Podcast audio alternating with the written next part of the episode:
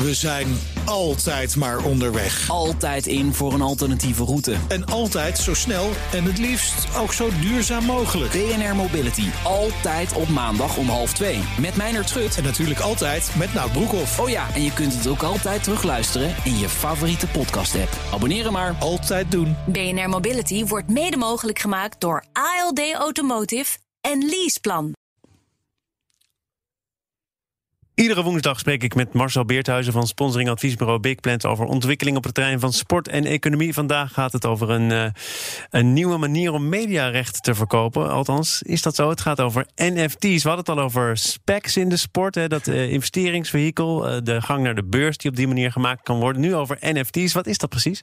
Ja, dat zie je opeens opduiken, Thomas. Uh, het staat voor non-fungible tokens. Het zijn eigenlijk uh, niet vervangbare uitingen, tokens. Um, die, die cryptografisch zijn vastgelegd. Hè? Een cryptografische vastlegging van een uniek moment. En omdat het is vastgelegd via de blockchain, is dat ook uniek en is ieder item uniek. En je ziet dat nu uh, ook gebeuren bij allerlei, bijvoorbeeld uh, dunks uit het basketbal in de sport. Allerlei momenten uit de sport die heel uniek zijn. Die worden nu verkocht aan verzamelaars en aan investeerders. En wat is de achtergrond van deze ontwikkeling? Waar komt het vandaan? Want het duikt plotseling overal op, maar... Ja, het is een nieuwe manier om extra inkomsten natuurlijk te verkrijgen. We weten dat de sportwereld altijd op zoek is naar nieuw geld. En ja, weet je, het, het heeft ook met corona te maken. Heel veel mensen hebben gewoon geld beschikbaar om, om nieuwe dingen aan te kopen. En dat kan natuurlijk niet meer in de, in de fysieke vorm. Maar die doen dat via het internet en zijn aan het kijken. En zijn op die manier een sportverzameling aan het aanleggen. Die nu dus dan digitaal is. Uh, ja, en dat is ook iets uh, wat we bijvoorbeeld uit de gaming-industrie kennen. Hè. Bijvoorbeeld in Fortnite kun je een nieuwe skin kopen of een, een nieuwe kleur, speciaal design voor je favoriete wapen. En dat is zich dus nu ook aan het verplaatsen naar de sport. Ja, dit, zijn, dit zijn de voorbeelden waar de sport zich aan kan optrekken. Of heeft de sport ook al echt wel eigen voorbeelden waaruit blijkt dit werkt, dit levert het op? Ja, Zeker, het beste voorbeeld is uh, van de NBA, het Amerikaanse basketbal. Top Shots heet dat. Dat is in, uh, in oktober gelanceerd, oktober van vorig jaar. En dan kun je bijvoorbeeld de digitale beeldrechten van een dunk van LeBron James kopen. Nou, dat is een uniek moment. Daar wordt nu al 250.000 dollar voor betaald. Je hebt, het, je hebt ook items van, van die 1 dollar kopen. En inmiddels uh, heeft de NBA daar al meer dan 400 miljoen mee, mee omgezet. Um, en, en al meer dan 100.000 mensen hebben zo'n Topshop moment gekocht. Er is ook een speciaal platform voor. En er wordt dus niet geïnvesteerd, er wordt mee gespeculeerd. Maar het, het is ook een, uh, een, ja, een manier voor fans om te laten zien: kijk, ik hoor bij die sport. Ik, ik weet ook wat de belangrijke spelers uh, zijn. En hè, wat de, de rookies van nu, wat de sterren van de toekomst worden. Want die plaatjes, want dat zijn het. Het is eigenlijk de digitale vervanging van de sportplaatjes die we al heel lang kennen. Ja, die worden in de toekomst dan heel veel geld waard. Nou, maar het is denk ik ook wel terecht dat jij in je verhaal al een plekje inbouwt voor het woord speculatie. Want ja, met hetzelfde gemak zie je hier natuurlijk een bubbel ontstaan. Want wat, wat koop je nou precies? Er zitten ook risico's aan. Ja, zeker. Ja, en het, weet je, die blockchain die zorgt wel voor, uh, voor het feit dat je unieke rechten heeft, hebt.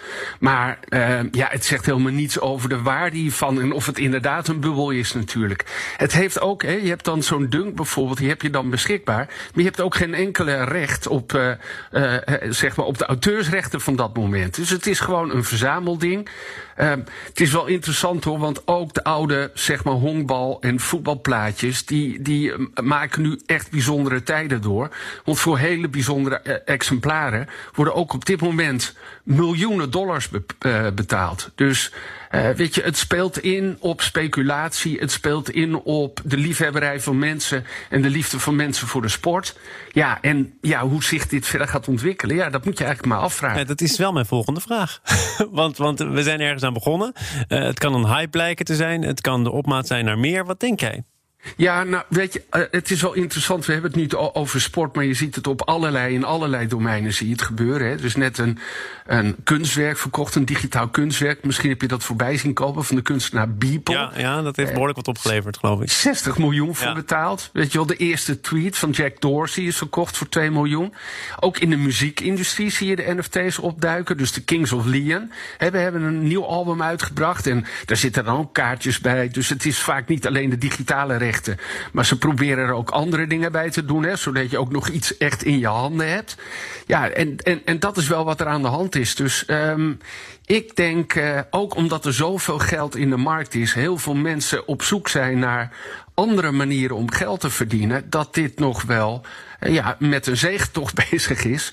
Waar, die, waar die gaat aflopen, dat weet ik ook niet. Maar het is wel iets wat in allerlei domeinen zich enorm aan het ontwikkelen is. En trekt die zegentocht ook langs Nederland, of is het vooral kijken naar wat er in Amerika gebeurt? Nee, je ziet het nu ook naar Nederland komen. Er zijn al bedrijven die erin stappen. PSV, jouw club, die heeft een NFT uitgebracht van het winnen van de Europa Cup 1. Dus een bedrijfje Momentable, dat is daarmee bezig. En je ziet bijvoorbeeld ook, als het gaat over bitcoins, dat uh, Sparta al gesponsord wordt door uh, een, een crypto-platform, Knaken. Uh, en ook in, in het Europese voetbal verschijnen er inderdaad al dit soort digitale plaatjes die je dan, die je dan kunt verzamelen. Marcel Beerthuizen, wij verzamelen iedere week een rubriek, een uitzending met elkaar. Dus volgende week uh, de volgende in die steeds uitgebreidere selectie. We zijn altijd maar onderweg. Altijd in voor een alternatieve route. En altijd zo snel en het liefst ook zo duurzaam mogelijk. BNR Mobility. Altijd op maandag om half twee. Met Meijner Schut. En natuurlijk altijd met Nout Broekhoff. Oh ja, en je kunt het ook altijd terugluisteren in je favoriete podcast-app. Abonneren maar. Altijd doen. BNR Mobility wordt mede mogelijk gemaakt door ALD Automotive en Leaseplan.